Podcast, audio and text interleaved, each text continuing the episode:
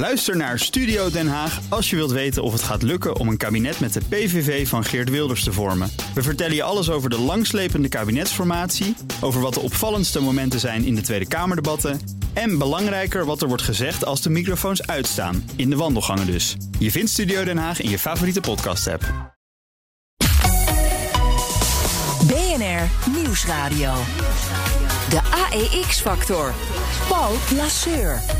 Welkom bij de AIX-factor met daarin alles over de beurzen, beleggen en vermogen opbouwen. We struinen de beurzen af voor het belangrijkste en meest bizarre nieuws.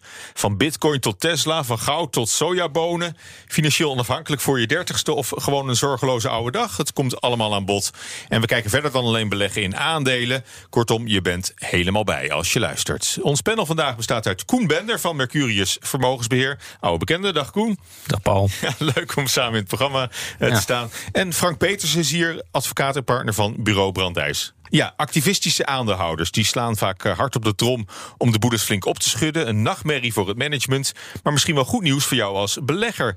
Wat betekent de komst van een activist voor de koers van het aandeel? En zijn het wereldverbeteraars of gewiekste zakenlui op jacht naar maximaal rendement? Dat zometeen. We doen eerst een greep uit het belangrijkste beursnieuws van de afgelopen week. De beurs is vooral in de band van een mega verlies en hedgefonds. Investors, meantime, still on guard for any wider fallout after the failure of New York based investment fund Archegos Capital. So, how big is the financial damage from this one? It's going to run to billions of dollars. The Japanese bank Nomura and Swiss lender Credit Suisse both warned on Monday that they're facing significant losses. Their shares had slumped on Wall Street as a result. So, You can see here Nomura down 14%, Credit Suisse down 11.5%. And it seems that even among the banks there was a fight to see who could sell their shares first. Vanochtend voor de eerste AEX weer door de 700. Wat dat zegt, uh, niet veel. Uh, het is een index waar vooral eigenlijk ja, particulieren in Nederland naar kijken. Het oude record stond op 701 en een beetje. 708 zijn we gesloten. En daarna in de futureshandel zijn we nog verder doorgelopen richting de 714 punten. Sleeboot toeteren dat ze de Evergreen grotendeels hebben losgetrokken. Ja, grotendeels. Nou, daardoor konden ze ruim 300 schepen er niet langs. En dat betekent dat ze in Rotterdam verwachten dat er een flink stuwmeer aan containers aan zit te komen. In Londen was er vanochtend een beursgang, namelijk die van maaltijdbezorger Deliveroo. Maar echt een succes was het niet, hè? Er was little appetite voor die beursgang. Het ging alleen maar naar beneden sinds de openingskoers. Ja, het was de week van de records. Uh, na 21 jaar heeft de AIX het record van de hoogste slotstand ooit eindelijk bereikt. Verpulverd, zou ik bijna zeggen. Uh, dat record dateerde nog uit de internethost van uh, begin deze eeuw. Ja, 21 jaar geleden. De hoogste slotstand ooit staat nu op 708,43. Ja, Koen, waarom duurde het zo lang voordat we dat oude record braken? Daar hebben we echt, echt 20, 21 jaar tegenaan zitten hikken. Ongelooflijk, hè? Ja, nou ja, dat, uh, dat, dat. En terwijl al die andere beurzen dat wel deden, dat ligt aan de samenstelling van de AX. Dat is, uh, dat is eigenlijk mm. uh, de belangrijkste oorzaak. Hè, wat wij, wat dat het wij... nog zo lang geduurd heeft. Want, want hoeveel langer hebben wij erover gedaan? Nou ja, uh, we hebben er uh, zo'n beetje. Nou, ik denk dat de andere beurzen er misschien een anderhalf jaar uh, na data. Dat, ja. Nee, oh. bij de Dow Jones. Kijk, de Dow Jones in diezelfde periode deed 10.700 ja? in 2000. waar, waar ons record van 700 van was. Inmiddels staat die Dow Jones op 33.000. Die is dus verdrievoudigd. Oké. Okay. En dan maakt dat uit op meerdere uh, aspecten. Hè. Neem je je dividend mee, dan, dan was uh, de AEX ook al een heel stuk hoger geweest. Maar uh, het komt ook doordat de, de, de Dow Jones eigenlijk een mandje is van individuele aandelen. Die aandelen wegen allemaal even zwaar. Um, en dat verandert niet zo heel erg vaak. Af en toe komt er een nieuw bedrijf bij. Mm. Maar bij de AEX is het eigenlijk een soort duiventil. En het nadeel. Het is bijna een compleet andere index dan, uh, dan 21 jaar geleden. Die, ja, die absoluut. Ja. ja. En, en uh, als, je, als je kijkt naar de bedrijven die we in de tussentijd erin hebben gehad: KPN Quest, uh, Imtech. TomTom, Tom, Getronics. Dat waren allemaal bedrijven die op een heel hoog niveau in die index kwamen. Hmm. Omdat ze op dat moment heel veel omzet hadden. En, en nou ja, ABN AMRO is er ook uitgevallen. um, en, en ja, dat zijn bedrijven die eigenlijk die index Mm. naar beneden toe gehouden hebben. Dat is één. Maar goed, maar Koen, je, je focust nu op waarom het zo lang geduurd heeft. Mhm. We kunnen ook zeggen van, eh, nou, het, het is mooi dat we dat, eh, dat we dat record nu hebben gebroken. Maar dan eh, werpt dat meteen de vraag op: hoe kan het dat de beurs nu een recordstand bereikt, terwijl de reële economie piept en kraakt? Hè? Is, is Ja. de beurs losgezongen van, van de realiteit, of is dat, is Nee, dat een nou logisch kijk, verhaal? De, de, de beurs is ge- geen afspiegeling van de reële economie. Ehm, daarnaast zijn de. de Want als er meer horeca in had gezeten en MKB, dan had je, had Ja, je iets, en- iets meer van die pijn van de coronacrisis gereflecteerd gezien misschien. in de Absoluut. en het zijn, eh, het zijn bedrijven die ook. Hè, je, eh, de grootste beursbedrijf, of de grootste weging is inmiddels eh, bij Prozus. Ja, Prozus is, eh, is, is eigenlijk Tencent, een Chinees internetbedrijf.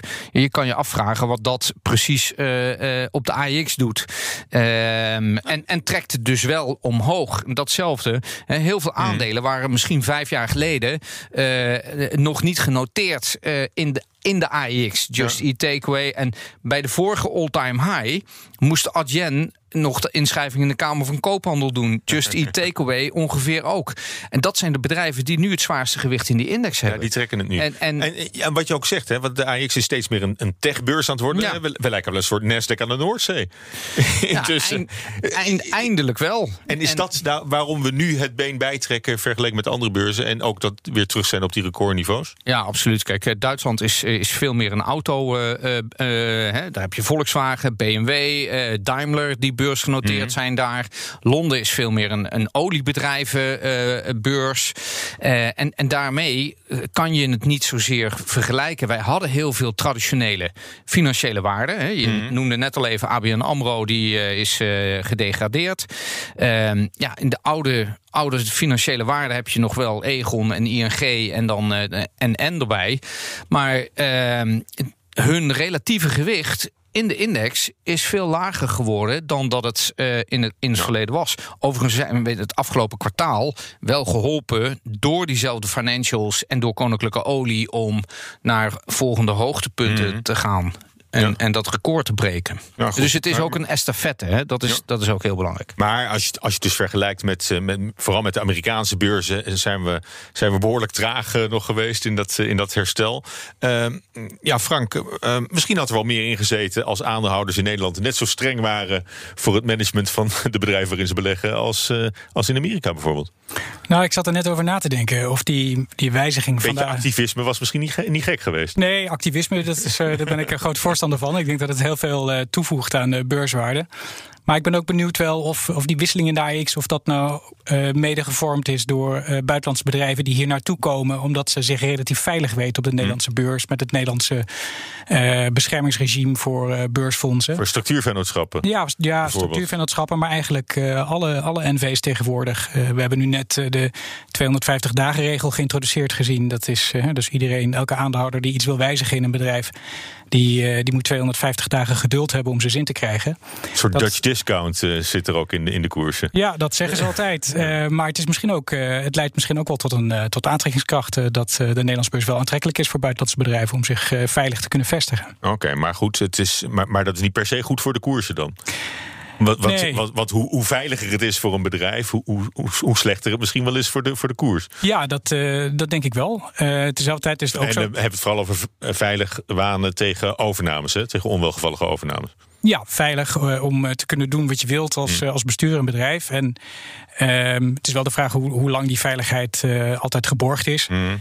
Ehm, ik denk dat als activistische aandeelhouders zich melden en ze hebben er goed over nagedacht.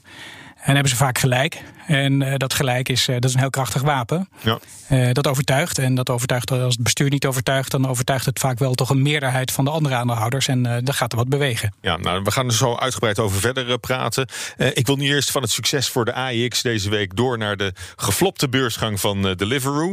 De voortekenen die waren al snel verslechterd, maar de werkelijkheid werd helemaal een, een drama. Aan het eind van de eerste handelsdag was het verlies ruim 26% voor de maaltijdbezorger. Ja, terwijl velen tot voor kort gedacht moeten hebben, wat kan er misgaan? Hè? Als er één sector is die volop heeft geprofiteerd van de lockdown, dan is het wel de markt voor thuisbezorging in het algemeen en van maaltijden in het bijzonder. Maar dat optimisme dat verdampt razendsnel. En uh, ja, consumenten die willen straks waarschijnlijk weer gewoon vooral weer naar een restaurant. Dus dan, dan zit er misschien wel een dipje aan te komen. Uh, ja, maar dan zou je denken dat dat misschien ook reflecteert op een bedrijf als Just Eat Takeaway. Hmm. Dat is zeker niet het geval. Ik denk dat hier ook wel een aantal hele specifieke uh, oorzaken aan te wijzen zijn. Maar dat moeten dan wel ernstige dingen zijn. Want zo vaak zien we het niet, hè, dat een beursgang zo, zo, fout loopt. Het is altijd wel een beetje geregisseerd en voorgekookt. Ja. En, Maar nu had je ook een paar grote investeerders die last minute lieten weten dat ze niet meededen. Ja, dat. Het was sowieso een, een, een, een IPO waarin de Engelse uh, uh, grote beleggers gezegd hebben: wij doen niet mee. Um, ik denk dat dat ook heel uh, uh, aanwijsbaar is naar A. Ze hebben geen stemrecht. Hè. Uh, de, de, de oprichter, groot mhm. aandeelhouder, behield de meerderheid. Dus je kan heel weinig in zo'n situatie doen om ook echt je invloed uit te oefenen. En ik denk dat met name die invloed ehm, een steeds zwaarder wegend uh, uh, uh, argument wordt om wel of niet in een bedrijf te stappen. En een, een bedrijf als Deliveroo met maar, ook nog eens maar, maar het is toch raar dat je daar op de dag van de beursgang achter moet komen? Nee, dan kom je niet zozeer op. De, dan kon je dit toch wel zien aankomen. Nee, maar dat, eh, ze hebben dus ook voor die beursgang de, uh, de waarde waarvoor het bedrijf naar de beurs zou gaan verlaagd. Dat zou, uh, ik, ik, geloof, 1, of 8,6 miljard zijn. En dat is verlaagd naar 7,3. dus dat is al een hmm. teken dat er minder animo is dan je in eerste instantie had gewild. En als dan ook nog eens een keer inderdaad inderdaad er, er, grote partijen zijn die zeggen van we dumpen die stukken meteen. De, de begeleidende banken niet het vangnet mhm. kunnen aanbieden wat uh, er normaal gesproken is.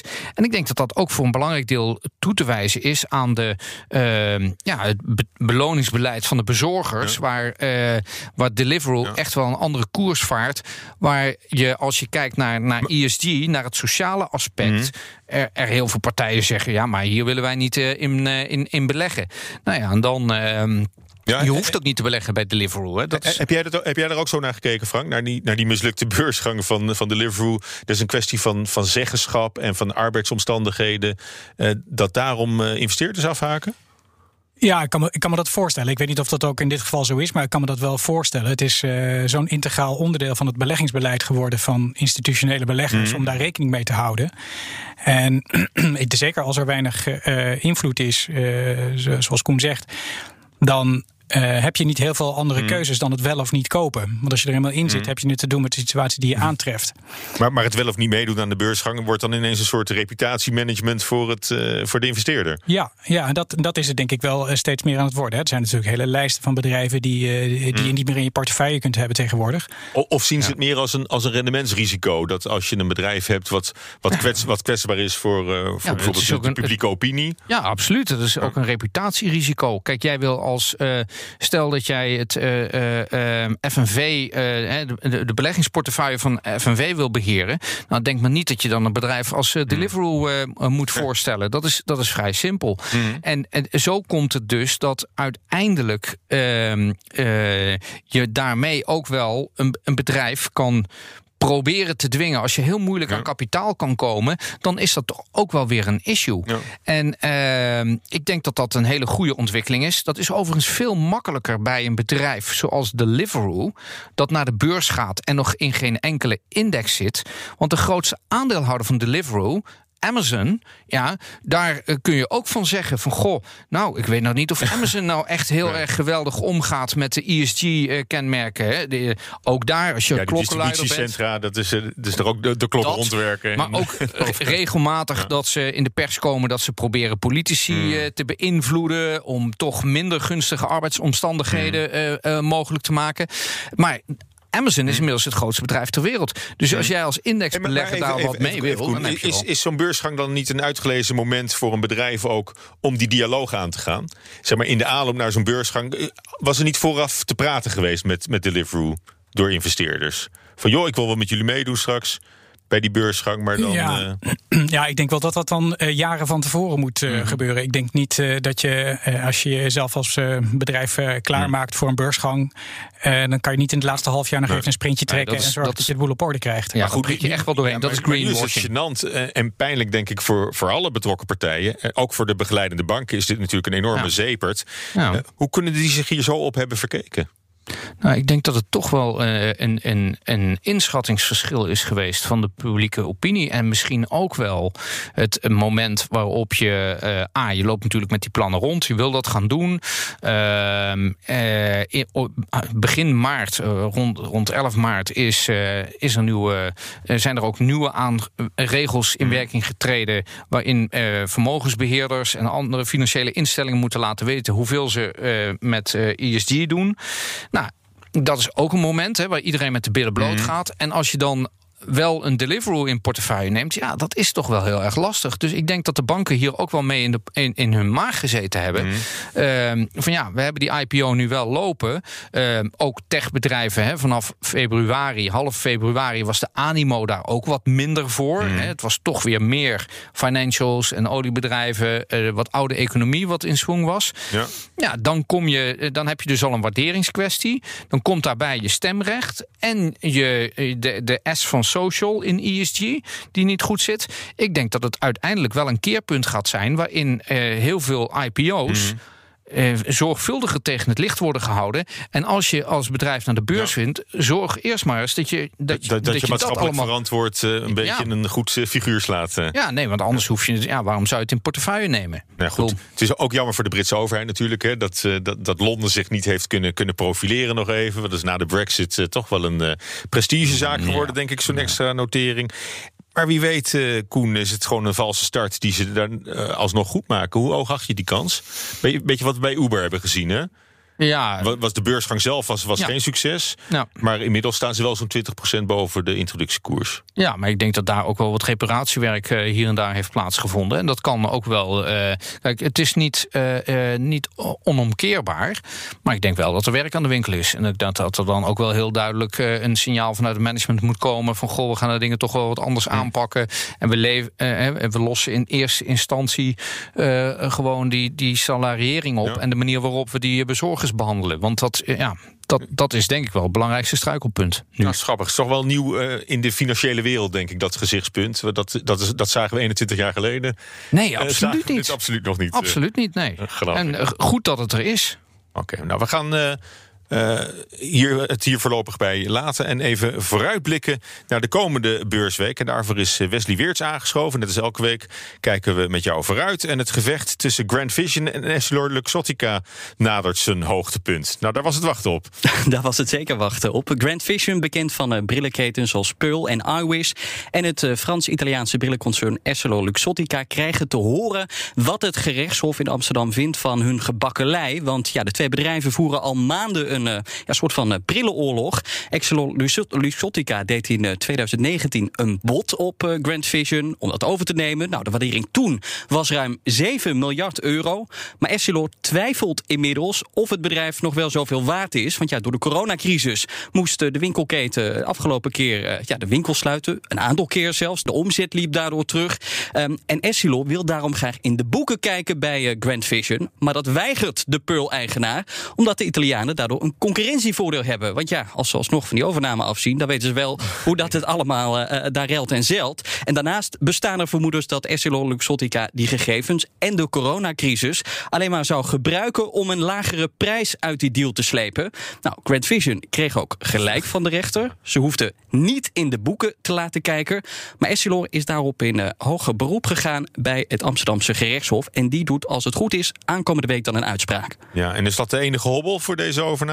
Nou, de Europese Commissie heeft in ieder geval al goedkeuring gegeven voor de deal. Essilor Luxottica mag Grand Vision overnemen. Ook al wordt het een hele grote partij. Ja, er zit wel een voorwaarde aan. Er zijn een aantal voorwaarden aan verbonden. Een van die voorwaarden is dat Grand Vision brillenmerk iWish afstoot. En die afslanking is dan inderdaad nodig om het eh, nieuwe optiekbedrijf dat daaruit dan weer voorkomt, ja, niet, eh, ja, dat ze niet een te grote machtspositie hebben ten opzichte van eh, de rest van de markt. Want dat is vanuit ja, concurrentieoogpunt weer onwenselijk. Nou, mocht die verkoop nou alsnog alsnog niet doorgaan, dan moet Essilor sowieso een soort van boete betalen van 400 miljoen euro aan Grand Vision. Als een soort van. Break-up fee. Ja, het is een soort van goedmakertje. Maar ja, Grand Vision wil natuurlijk voorkomen dat die deal niet doorgaat. Want 7 miljard of 400 miljoen, dat is nog wel een verschil. Dus uh, zij hebben op hun beurt, beurt dan ook weer een uh, procedure aangespannen. om er zeker van te zijn dat die overname doorgaat. Nou, het gaat om een hoop geld. Uh, het gaat om heel veel geld. Hoe het ook afloopt.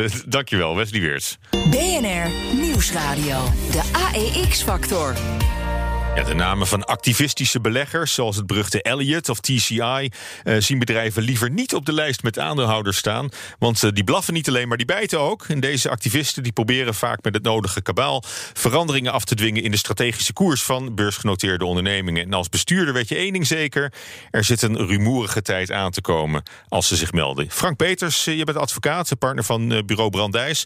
Eh, je wordt vaak ingehuurd door eh, activisten om dit soort acties voor te bereiden. Dat dat is niet uh, als, het, als het in de pers komt, dan ben jij daar al, al veel langer bij betrokken waarschijnlijk. Hè? Ja, zeker. Dat, uh, uh, vroeger was dat nog wel zo, denk ik. TCI is een voorbeeld. Dat, daar was ik ook bij Children's Investments. Ja, de Children's Klink, Klinkt heel vriendelijk, hè? En, en, en wel ja. ja, ze doen ook goede dingen. Hè? Met, de, met de overwinsten gaat een, een, heel goed deel naar goede doelen. Maar in 2007 was het allemaal nog wat ruiger. Ja. Toen uh, was er eigenlijk niet zo'n grote aanlooptijd uh, buiten de schermen. Toen gebeurde, ging het eigenlijk meteen op het podium. Ja. Maar tegenwoordig inderdaad is er een, uh, is er een lange adem nodig uh, met overleg en heel constructieve opstellingen over en weer en dialoogjes. Ja, en, en, en welke, welke grote zaken zijn jullie onder meer bij betrokken geweest? nou, onder andere dus TCI ABN AMRO, um, maar ook voor Eminence Capital en Jana Partners mm. diverse zaken gedaan rond TNT, Philips, ASMI. Uh, Dataloid, dat soort zaken. Oké, okay, maar goed, voordat. Uh, uh, nou, in dat geval van TCI zei je, was, was het eigenlijk in één keer raak. En meteen in de, in de schijnwerper speelde het zich af. Maar er gaat vaak wel wat, wat aan vooraf, hè, voordat ze elkaar in het openbaar voor rottevis uitmaken. Ja. Want het, ja, de spanningen lopen, kunnen hoog oplopen. Als je nou aan het begin van het proces staat, hè, een activistische aandeelhouder die, die kiest een doelwit uit. Ik denk dat, dat, dat, het zo, dat het zo werkt. Hoe doet hij dat dan? Waar kijkt hij dan naar? Kijkt hij ergens van, daar zit een zwakke CEO. Als we die nou kunnen vervangen door iemand die, die, die onze koers wil gaan varen, dan dat zou wel een begin zijn? Ja, dat zou een begin zijn, maar dat is in Nederland heel lastig om uh, wijzigingen te, te maken mm. in het bestuur. Dus uh, dat zijn de, de, zaken die in Nederland uh, je vrij weinig ziet. Maar dan een overname of een bedrijf een overname, afstoten of, een splitsing. Een superdividend, een splitsing, dat soort dingen. Mm. En ja, dat soort ideeën. Er is dan iemand die heeft heel hard zitten rekenen achter de schermen en die denkt: hé, hey, ik heb iets gezien wat, wat de markt niet gezien heeft en wat niet in de koers zit. Maar als dit slimme plannen wordt uitgevoerd, dan, dan, dan zijn we allemaal rijk. En als dat weerklank vindt bij een hedge fund ja, dan treedt hij vaak als een, als een soort klokkenluider op. En die, die bindt de kat de bel aan.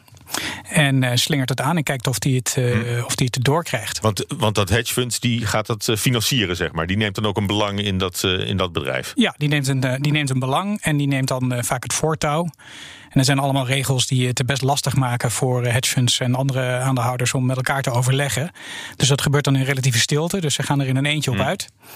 En dan rekenend op hun reputatie en hun gezag in de markt, dat als uh, later Hmm. mm. bekend wordt dat zij dit vinden, uh, dat zij goed aangevoeld hebben, dat ze dan steun gaan vinden van anderen. Ja, maar goed, als je eenmaal 5% uh, aandelen hebt in het bedrijf, dan, dan moet je dat ook melden.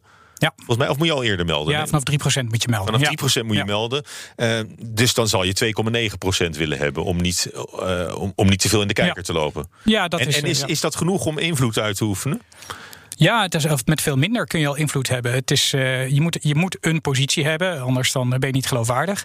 Maar of dat nou 1% is of, uh, of, of 3 of 7, dat maakt niet vreselijk veel uit. Het, is, het gaat er vooral om, heb je een goed idee en kun je dat over het licht uh, brengen en word je geloofd. En daar is je reputatie heel erg van belang.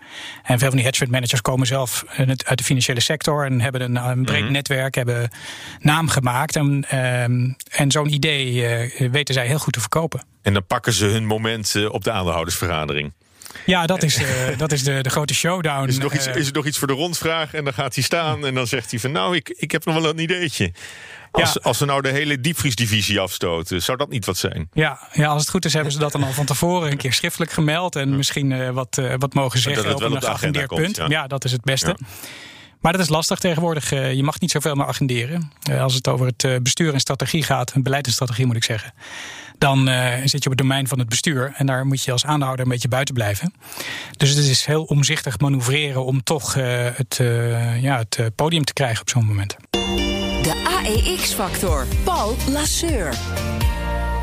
Ik praat met Koen Bender van Mercurius Vermogensbeheerder en advocaat Frank Peters van bureau Brandijs over aandeelhoudersactivisme. En of je blij moet zijn als belegger wanneer eh, zich een activist meldt in het fonds waarin jij toevallig ook je centen hebt zitten. Of dat altijd goed nieuws is, is eh, een beetje de vraag. Maar eh, we zagen recent bij Danone bijvoorbeeld hè, dat twee hedgefondsen met een belang van samen nog geen 3% om de topman Emmanuel Faber weg te sturen. En dan vraag je je toch af, ja, Frank, waarom zo'n topman toch een knieval maakt voor, voor die twee fondsen. Hij, hij zat er al zeven jaar. En, en dan ineens meldt zich een activistische aandeelhouder en dan uh, pakt hij zijn biezen. Ja. Ja, dat is toch uh, dat is interessant natuurlijk, hoe dat, uh, hoe dat werkt. Uh, dat is niet alleen vanwege zo'n 3% aandeelhouder. Want als je gaat optellen wat de rechten zijn van een aandeelhouder met zo'n klein belang, dus dat, is dat bijna niks, is verwaarloosbaar. Hij kan uh, niks agenderen, hij kan niks wegstemmen, hij kan niks doorduwen. Dus, dus daarom gebeurt het niet. Hij had misschien wel een goed punt. Had misschien gewoon wel een goed punt. dat nog is vaak voor een bestuurder niet zo overtuigend dat hij aftreedt. Mm. Maar wel voor anderen om, om, om zich te scharen achter die die eh, kleine belegger, zou ik maar zeggen. En uh, dat betekent natuurlijk dat als een uh, bestuurder dan denkt: ik ga steun zoeken bij de grote hmm. jongens, en daar is even pols hoe zij naar kijken. Ja, als die daar hoort van: het is inderdaad het moment voor jou om te gaan. dat kunnen we publiek doen, of je houdt de eer aan jezelf, ja, dan, dan gaan dingen bewegen. Ja, maar goed, de eer aan jezelf houden. Soms hebben activisten er ook gewoon belang bij om uh, om veel misbaar te maken. En dat ze, dat ze ook uh, bekend staan als, uh, als, als gevaarlijk, als schietgevaarlijk. Ja. ja. Vuur, vuurgevaarlijk heet dat. Ja, ja natuurlijk. Ze hebben, hebben er allemaal belang bij om niet bekend te staan als iemand die wel blaft, maar niet bijt. Mm En ik denk ook dat ze de, serieuze fondsen ook wel zo erin zitten. Dat, dat wat ze zeggen dat ze gaan doen, dat ze ook bereid zijn dat te doen. Die ervaring heb ik ook Mhm. wel. Dat daarop wordt voorbereid, dat processtukken klaar liggen om als het vastloopt door te pakken. Doet de andere kant trouwens ook. Heb ik ook wel eens gehoord dat uh, de, aan, de, Mhm. aan de beursfonds loopt ook een heel uh, teampje uh, litigation advocaten staat ook klaar voor als het fout gaat. Um, dus het is niet alleen maar blaffen en ook doorbijten. Uh, maar uh, ze hebben er ook belang bij om, dat je, om rugbaarheid te krijgen voor een zaak. Omdat er heel weinig kanalen zijn ja. uh, om die steun te vergaren. Dus het, het wordt nadrukkelijk ook via de publiciteit gespeeld? Ja. Of, of, via de media, als het even zo, zo uitkomt. Ja. En, en in het geval van Danone, was dat ook succesvol voor de, voor de koers van het bedrijf? Ja, had, je als, had je als belegger daar een uh, mooi ook kunnen meeliften? Uit, uiteindelijk is er wel uh, een, een, een, een uh, positieve koersontwikkeling geweest nadat Danone jarenlang achtergebleven was. En dat zie je natuurlijk wel vaker, dat een bedrijf de ideeën of de, de, de, de, de opmerkingen waarmee een hedgefund komt, dat die overgenomen worden. Mm. Ook al blijft dat bestuur zitten. Dat hebben we bij AXO bijvoorbeeld gezien. Hè, dat AXO uiteindelijk eh, succesvol weliswaar die, die overname heeft, heeft, eh, heeft afgeslagen. Maar vervolgens wel ook dat is gaan doen. Wat, wat dingen heeft geïmplementeerd die, uh, ja, want die werden gesuggereerd. Ja. ja, het maakt in ieder geval wel. En je ziet het ja. vaak al aan de koers in het proces of beleggers uh, vinden dat het een, een goed idee is of niet. Ja. En dat in zichzelf maakt natuurlijk ook dat bestuur al wakker. Ja. En in die zin is het dus uh, ja, misschien alleen maar goed uit het oogpunt van, uh, ook van aandeelhoudersrendement. Of, of, je, of je een activist aan boord krijgt. Um, we kennen ook de activistische aandeelhouder Follow This. Hè. Die probeert uh, Shell een beetje bij te sturen naar een wat duurzamere koers. Um, en da daar zijn ze in ieder geval in de publiciteit best uh, succesvol mee. Um, maar hebben activisten altijd zo'n nobel doel voor ogen? Of is het vooral een zaak van uh, uh, maximaal rendement uh, najagen? Nou, ik denk dat Follow This zeker een, een nobel doel voor ogen heeft. En bij de traditionelere... Maar goed, Elliott, TCI? Ja, die, die hebben op de eerste plaats in ieder geval altijd gehad het rendement. Ik denk dat dat inmiddels wel, zeker bij zo'n TCI... maar ook bij, bij andere institutionele, hand in hand gaat met, ja, met, een, met, een legitieme, met een legitieme belegger. Ze willen, ze willen en moeten allemaal kunnen uitleggen aan de mensen die weer in hun investeren.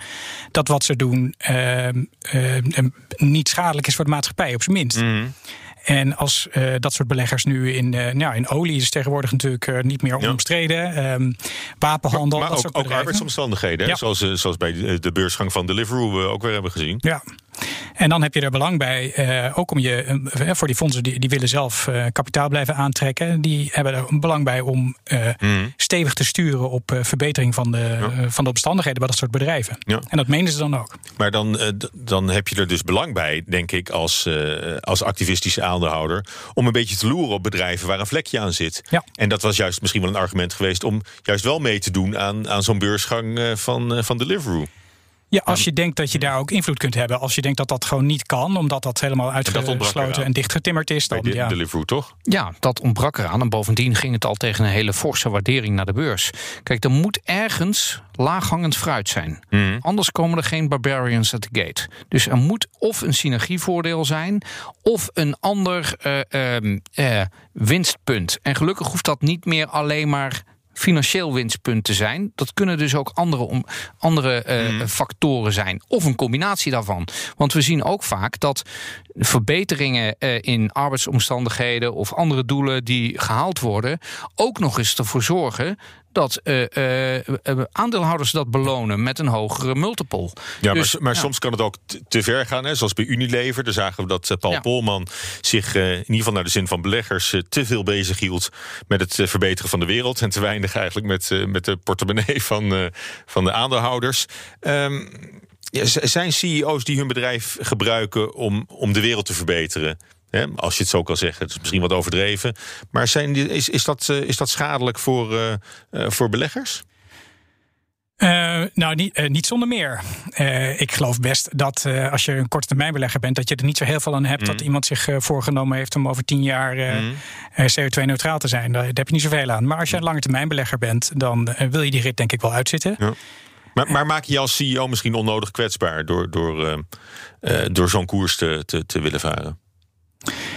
Eh, ja, ik zou het niet onnodig kwetsbaar eh, noemen. Ik denk, eh, je maakt je kwetsbaar. Er zijn mensen die nog niet zo ver zijn, beleggers die nog niet zo ver zijn. En de markt is internationaal. Dus je kunt ook niet meer denken van, ach, wat in Nederland de norm is, dat zal ook wel tussen mijn aandeelhouders de norm zijn. Dat, dat is natuurlijk niet zo. Dus het kan zijn dat jouw aandeelhouderspubliek zo is samengesteld dat dit heel verkeerd valt. Maar in, in Amerika, West-Europa, is, dit, is het wel onderdeel van, van wat verwacht wordt van bedrijven. Ja, en dat, dat maatschappelijk verantwoord ondernemen, hè, dat, dat, dat willen we steeds meer, dat bedrijven dat, eh, dat ook gaan doen. Maar is dat dan voor de activistische aandeelhouder, is het dan een, eh, een kwestie van, eh, van, van, van, risico, afbreukrisico, reputatierisico? En in die zin dat het eigenlijk toch langs de band van het, van het financiële rendement wordt gespeeld? Of is het echt een zaak van, van meedoen in het, in het verbeteren van de wereld waarin we leven? Nou ja, weet je, kijk, je kan daar een heel eh, eh, idealistisch beeld op plakken. Maar het gaat er ook om dat als je niet innoveert en niet luistert naar wat de maatschappij van je verlangt, dan, dan houdt het op enig moment op. En soms gaat dat door wet en regelgeving. Eh, wat dat betreft is het een mooi voorbeeld de automobielindustrie. Hè. Je moet eh, je, je uitstoot van je autoaanbod moet je omlaag brengen naar een bepaald niveau. Ofwel door het kopen, verkopen van emissierechten. Maar in, en we zien dus ook nu steeds meer bedrijven die 2030 de helft van hun vloot in eh, elektrische auto's hebben. Daar wordt het door wet en ge- regelgeving afgedwongen. Het zou kunnen zijn dat dat straks in de luchtvaart ook gebeurt. En dat er dus dat je mee moet gaan. En als je dan alleen nog maar vliegtuigen maakt die op kerosine vliegen en niet mee bent gegaan met de, de vernieuwing, ja, dan houdt je bedrijf op te bestaan. Dan word je ingehaald door de technologie. Als jij dat niet doet, een ander doet het wel en dan ben je weg. Maar dan zie je dus eigenlijk dat, dat de, het streven naar meer duurzaamheid eigenlijk parallel gaat lopen aan het eh, behalen van een beter financieel rendement. Ja, en Dat, zal, dat zal niet in alle industrieën zo zijn. Hè. Ik denk dat dat voor Shell nog steeds best wel lastig is om te zeggen van... eh, ik, eh, ja, ze hebben natuurlijk de mond vol van vergroenen... maar tezelfde tijd is het natuurlijk heel lastig als je een oliebedrijf bent... om te zeggen dat je daar eh, voor, voorop wilt lopen. Nou ja, neem Orsted, hè, het Deense oliebedrijf, of energiebedrijf moet ik zeggen, want ze hebben helemaal niks meer met olie. Van de week een het bericht in het, in het FD dat ze in, in Vlissingen een fabriek gaan bouwen die op waterstofenergie gaat, gaat maken. En zo eh, eh, daar verder aan de vergroening. En ze zaten al in de windmolens. Dus die transformatie is er wel. Alleen je moet guts hebben. En het duurt even. You can make elephants dance, but it takes a while. Ja, en dat, datzelfde, dat probeert Mark van Baal natuurlijk heel mooi bij Shell. Ehm, en ja, je krijgt de aandeelhouders die je verdient. En als je alleen maar aandeelhouders hebt die alleen maar op dividend, dividend, dividend sturen. Ja, ik denk dat het niet hand in hand gaat. Want er is ge- veel geld nodig voor die vergroening. Maar dat moet je heel goed communiceren. En dan trek je die aandeelhouders vanzelf wel naar je toe. Ja, maar goed, je, blijft dat je eigenlijk op twee manieren nog kunt kijken naar, eh, eh, naar activisten, hè, naar aandeelhoudersactivisme. Eh, voorstanders die zeggen het heeft, het heeft een reinigende werking of een, of een sturende werking. Of je, of je, je, je maakt een, een duurzamer onderneming bijvoorbeeld. Tegenstanders die zeggen juist van ja, dit is, dit is de donkere kant van het kapitalisme. Hè. Dit is korte termijn winst. Waar, waar, waar zitten jullie? Hoe kijken jullie ernaar? Ja. zijn jouw klanten, dus ik, ik weet niet wat je... Nou ja, het zijn mijn klanten, maar ook eh, persoonlijk. Ik vind het, eh, ik vind het onbegrijpelijk om, eh, om het standpunt te verdedigen. Ik denk niet dat het te verdedigen is dat dit soort bedrijven de donkere kant zijn van het kapitalisme in, in Nederland. Ik denk dat het Nederlandse beursfondsen extreem beveiligd zijn tegen dit soort situaties. En, er, en zij, als ze willen, activistische aandeelhouders jaren van zich af kunnen houden. En de recht is daar helemaal niet het, is daar helemaal niet het, het middel waardoor dit gaat. Uiteindelijk gaat het om het gelijk. Als het een goed idee is, dan gaat dat denk ik toch veelal wel eh, doordringen. Ja, maar goed, maar de Ehm, manier waarop. Het, het is niet echt polderen wat ze doen natuurlijk. Het is niet. Het, het is ook niet wat, wat we in Nederland eh, gewend zijn om, om de zaken zo hard te spelen. Nee, maar als je als, als beursfonds niet wilt wat er wordt voorgeschreven, wat er wordt gevraagd, eh, omdat je dat een heel slecht idee vindt, dan kun je dat bijna eindeloos volhouden in Nederland. En er zal eh, geen rechter eh, zijn, althans niet snel, die jou als bedrijf gaat vertellen dat je je beleid moet aanpassen. Dus als je het daar niet mee eens bent, doe je het gewoon niet. En dan agendeer je het eh, niet. En eh, dan kan die aandeelhouder het dak op. Ja. Dat Jawel, kan. maar ik, ik denk dat het, eh, eh, het heel erg goed is dat er meer eh, grote beleggers, pensioenfondsen, dat gedaan hebben wat Deliveroo heeft gedaan. Of wat er bij Deliveroo is gebeurd. Want uiteindelijk is eh, eh, de macht van het kapitaal, als je uiteindelijk niet meer financierbaar bent, als ING alleen maar bruin gelabelde panden zou financieren, dan houdt het op een gegeven moment op, want zij kunnen die herfinancieringen niet meer doen. Want een pensioenfonds wil niet aan zijn pensioengerechtigde uitleggen dat ze in een fout bedrijf beleggen. Dat is dat, is, dat houdt op enig moment op. Alleen het neemt dus wel tijd in beslag voordat je die transformatie kan maken. En, en ik vind dat daar ook kritische vragen en het stemrecht bij gebruikt moeten worden. Als Shell de eh, olievelden in de Barentszee verkoopt, dan zou je kunnen zeggen: oké, Shell is nu groen. Maar aan wie verkopen ze dat eigenlijk? Aan de hoogste bieder. Wat gaat de hoogste bieder ermee doen? Is dat dan een, een, een, een, een goed punt dat ze ze verkocht hebben? Of moeten we genoegen nemen met een lagere productie? Ja, dat, je, dat het bij Shell misschien een betere handen is dan, eh, Ja. dan, dan, Ja, bij, dan bij een absoluut. fout, eh, fout Russisch bedrijf. Maar als je als aandeelhouder alleen maar op de dividend aan het sturen bent, ja, dan gaat het dus ook niet lukken. Nee. Ja, dat is een bekend argument. Ik, eh, je hoort het vaker, beter dat wij het doen dan iemand anders. Maar uiteindelijk is het vaak toch een, een soort excuus om gewoon niets te doen. Hè? Te zeggen van laten, we, laten we maar niets doen. Eh, anders gaat het toch verkeerd. Maar ik denk, je- ik zelf ben er wel voorstander van, maar dat is een heel ander onderwerp eigenlijk. Dat, eh, dat dat soort stappen wel gemaakt worden door die bedrijven. En dat het probleem dan maar verlegd wordt naar een ander. En dat het daar dan weer opnieuw ter discussie wordt gesteld. Dan heb je in ieder geval één machtige speler die, eh, die het verkeerd deed. Heb je dan weer tot de orde geroepen. Dus in, in, in dat opzicht moeten we alleen maar blij zijn met, eh, met, met zoveel mogelijk aandeelhoudersactivisme. Ja, ik denk het wel. Ja. En jij ook, eh, Koen? Wat, eh, of, of, of zie je toch ook wel. eh, want het, het, is ook, het, het, het ontregelt zaken natuurlijk wel. Ja, het houdt eh, bedrijven ook wel van, eh, van de bal af. Hè, dan eh, met hun gewone eh, bedrijfsontwikkeling. Ehm, de regelgeving is daar ook anders voor. In Engeland zijn ze daar heel beschermend over. Hè. Dan- als, een, als een bedrijf niet in wil gaan op je avances, dan heb je daar ook een periode waarom je het met rust moet laten. Maar ik denk dat beleggers steeds vaker kritisch moeten zijn met hun stemrecht. En eh, daar gaat het hier denk ik ook om. Hè. Vaak is dat activisme, dat, dat, dat bereik je door voldoende stemmen te krijgen om het bestuur in beweging te krijgen. En ehm, eh, je ziet dus ook dat als dat stemrecht niet goed geregeld is, ja, dat beleggers dan ook in toenemende mate zeggen van ja, laat dan maar. Want dan kunnen wij ook, als wij niks op de agenda kunnen zetten, dan hoeven we ook ons kapitaal niet eh, risico te laten lopen. Dat vind ik in zichzelf een heel goed, eh, eh, goed fenomeen. Want uiteindelijk kun je met geld uh, niet alleen de wereld voor jezelf, maar ook om je heen wat beter maken. Ja, nou, en, en nou hebben we te maken met, eh, met, met, met specialisten die dat uh, in, in, in rechtszaken met behulp van Frank allemaal uitvechten. En, en, en, dan speelt het zich wel af op de aandeelhoudersvergadering. wat kan je met het fenomeen aandeelhoudersactivisme als, als particuliere belegger? Kan je daarop op, op meeliften? Moet je je proberen te verplaatsen in hoe activistische aandeelhouders kijken naar bedrijven? Moet je kijken van, ik, ik zie hier laaghangend fruit. Dit bedrijf zou wel eens uh, enorm in koers kunnen gaan stijgen de komende tijd. Want uh, uh, het kan nooit lang meer duren of, of, of ze splitsen zich. Hè? Ze, ze brengen meer focus aan in de, in de onderneming. Of, of er komt een bestuurswissel aan, wat dan in, in Nederland wat minder makkelijk is af te dwingen. Is dat iets waar je als, als, als, gewoon als, als particulier beleggertje je voordeel mee kan doen? Um, nou, of je je voordeel ermee kan doen, dat uh, ik denk dat je uiteindelijk je nadeel doet als je er niet op gefocust bent op lange termijn. Omdat die bedrijven hmm. gewoon minder goed zich zullen hmm. ontwikkelen. Maar dat is, dat, ja, dat is ook even mijn persoonlijke mening. Of, of gewoon hopen dat je al aandelen hebt in een bepaald bedrijf als zich daar een activist meldt. Nou, ik, ik heb wel eens proberen te laten zien dat uh, het enkele feit dat een uh, hedge fund een brief stuurt niet wil zeggen dat die koers gelijk gaat lopen. Daar had ik juridische redenen voor om dat eens te bekijken. Dan ga ik mooi laten zien dat dat niet zo is. Toen ben ik een kleine steekproef gaan doen en toen vond ik, uh, niet heel wetenschappelijk, maar toch wel dat meestal als er zo'n campagne begint, dat die koers omhoog gaat. Hè, beleggingsadvies brand ik me niet aan.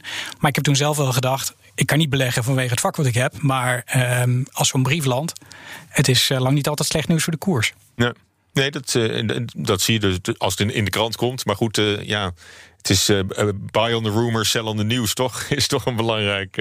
ja, dus als, dat... als het helemaal in de krant staat, ben je misschien al te laat. Nou ja, ten, tenzij het een uh, partij is die zegt van goh, ja, nee, we willen niet overgenomen worden. Kijk, we hebben daar in, in het verleden uh, wel vaker ons uh, in, in gewaagd. En keken dan vooral naar is er een Met bot... Mercurius, dat jullie dat voor klanten is er een bot in, meededen. Ja. ja, is er een bot in contanten? Dan, dan heb je sowieso al een hele sterke uh, bodem onder de koersvorming. En uh, zegt het bedrijf dan nee, want dit vinden we geen juiste afspiegeling van onze waardering, dan gaat het om waardering. En vaak hou je, houden jullie, neem ik aan, Frank, bij je, bij je voorbeschouwing er rekening mee dat je eerste bod niet je laatste bod is. Nou, als, als je als je daarop zit, dan kun je dus een inschatting maken van nou, hoeveel hoger gaat dat bod zijn. Mm. En wil ik daar mee. Als, als, er een tweede bieder komt, eh, bijvoorbeeld, hè, en dan krijg je een biedingsstrijd. Ja, dan, dat uh, is natuurlijk dat uiteindelijk. Is wat je eigenlijk wil. Dat is uiteindelijk het mooiste. Hè? Ja. Als het echt uh, een soort, soort huizenmarkt wordt, waarbij iedereen tegen elkaar oploopt te bieden, ja. dan, dan kan het heel interessant worden. Mm -hmm. Maar het kan ook tot kleerscheuren leiden als, als dan uiteindelijk zo'n bod niet doorgaat of een partij mm -hmm. er toch van afziet. Ja, maar goed, maar die hedge funds die zitten er niet voor de in. Die moeten op een gegeven moment ook weer uit hun, uh, hun belegging stappen. Uh, die exit hè, van, van zo'n activist. Uh, wanneer is het voor hun een succes? Ja, dat. Dat, dat is de, de rekensom verschilt per geval, denk ik. Uh, maar ze proberen natuurlijk uh, betere rendementen te maken dan je uh, zou krijgen als je indexbelegger bent. Mm. Dus dat is een, een startpunt. Um, maar daar kunnen ze vaak nog best geduldig in zijn in, in, in het uitzitten van zo'n rit. Dat hoeft niet altijd in een half jaar of in een jaar of in drie jaar. Dat kan best een strategie zijn van meerdere jaren. En die lange adem heb je tegenwoordig ook wel nodig als je al dat overleg nog in wilt passen. Um, dus ja, wat is, uh, wat is genoeg? Het zal ook afhangen van de marktrente en al die omstandigheden. Uh, om, uh, hoe het model uitpakt in dat geval. Hoe is het ten opzichte van, van concurrenten of, of de markt in het gemiddeld presteren? Ja, en hoe lang je je investering wilt aanhouden. Hè? De, de hoeveel rendement heb je nodig? wanneer moet je eruit? Soms is 5% een mooi rendement. En soms moet het naar 100% ja. gegeven de risico's die je gelopen ja, hebt. Of, of 5% in twee weken is natuurlijk gunstiger dan, ja. Dan, dan 10% in twee jaar. Ja, ja. Dus dan, uh, dan kan het nog. Uh, uh, maar het is, het is dus wel iets, als, als ik jullie zo beluister, het, het, het, is wel iets wat zaken in, in beweging brengt. Ook, ook de beurskoersen. Ja, nu het actuele voorbeeld met Grand Vision zou je eigenlijk een soort van ook weer opnieuw een activistische rol kunnen uh, betitelen. Hè. Ze hadden een overeenkomst, maar nu wil de een wil eigenlijk uh, de koers omlaag hebben. En, en de ander wil dat natuurlijk niet. Dat is, dat is en, die, en die beurskoers die ligt dus een stuk onder het oorspronkelijke Mm. bod van 28,5, wat het nu zou moeten zijn. Ehm, waarvan Luxottica zegt: van, ja, nee, dit, dit, dit willen we eigenlijk, eh, hè, we willen er onderuit. Aan de andere kant ja, moet je je afvragen of ze er onderuit willen. Want er is daadwerkelijk onderuit willen. Want er is een ontzettend synergievoordeel tussen die eh, eh, partijen. Dus hier krijg je nu de afweging. Willen ze inderdaad die koers verder naar beneden trekken om eh, goedkoper in te kopen? Waarschijnlijk wel, want de oude eigenaar Del Vecchio van Luxottica, die is natuurlijk niet voor niets zo rijk geworden. En die, die draait elk dubbeltje om. Dus ehm, natuurlijk probeert hij eh, een, een paar honderd miljoen te besparen. Ja. Maar goed, in zijn, in zijn algemeenheid, als je dan kijkt naar, naar de markt voor, eh, voor fusies en overnames. eh, ik, ik moet de eerste bestuursvoorzitter nog tegenkomen die meteen zegt van... eh, jawel hoor, hier is, hier is het bedrijf. Dus het, het zittende management zal zich over het algemeen verzetten tegen een vijandige overname. Met alle beschermingsconstructies die daarbij komen. Anders is hij niet vijandig. Ja, nee, precies. Ja, maar ze, ze, ze verzetten zich niet altijd tegen de ideeën die worden aangedragen. Hè. Er zitten vaak goede ideeën over. En veelal zijn, eh, veel hedge funds eh, hebben natuurlijk ook gewoon een normale beleggingsstrategie waar ze eh, niet altijd agressief ingaan. Ze zijn gewoon in dialoog met heel veel bedrijven en vaak worden de ideeën overgenomen. Soms wordt het iets spannender dan. Eh, als je dan dreigt met agenderen, heb ik nog wel eens gezien dat een bedrijf uiteindelijk zegt: Nou, oké, oké, geef mij die sheets dan maar die je zo graag eh, eh, wilt zien op die AVA. Dan integreer ik ze wel in de mijne en dan presenteren we het zelf wel alsof het onze eigen ideeën zijn. Zo kan het ook lopen en dat is allemaal prima. Dat gaat niet om, om de ego's van de beleggers in dit geval, denk ik. Nou, die, die laat ik graag voor jou rekening. Dat het niet om, om ego's gaat in deze, in deze wereld. Want ik denk wel degelijk dat, dat die ego's ook, ook functioneel zijn... Om, om veranderingen af te kunnen dwingen. En daarmee misschien een, eh, een koersstijging. Het blijft een eh razend interessant eh, fenomeen, denk ik... dat uh, aandeelhoudersactivisme. Ik wil jullie hartelijk danken voor, uh, voor je bijdrage aan dit uh, gesprek. Dank u wel. Koen Bender was hier van Mercurius Vermogensbeheer. En Frank Peters, advocaat en partner van bureau Brandijs. Uh, dit was de AX-factor. Ik hoop dat je volgende week vrijdag weer luistert. Vanaf 7 uur s'avonds is de nieuwe aflevering beschikbaar op de radio. En als extra lange podcast. En oh ja. Heb jij voor ons een gouden beleggingstip of heb je zelf een tip gekregen en wil je checken of het wat is? Laat het ons weten door een mailtje te sturen naar aexfactor.bnr.nl. Want wie weet, heb jij de AX-factor. Tot volgende week. Ook Thomas van Zeil vind je in de BNR-app. Je kunt live naar mij luisteren in Zaken doen. De BNR-app met breaking news, het laatste zakelijke nieuws... en je vindt er alle BNR-podcasts, bijvoorbeeld Het Nieuwe Geld. Download nu de gratis BNR-app en blijf scherp.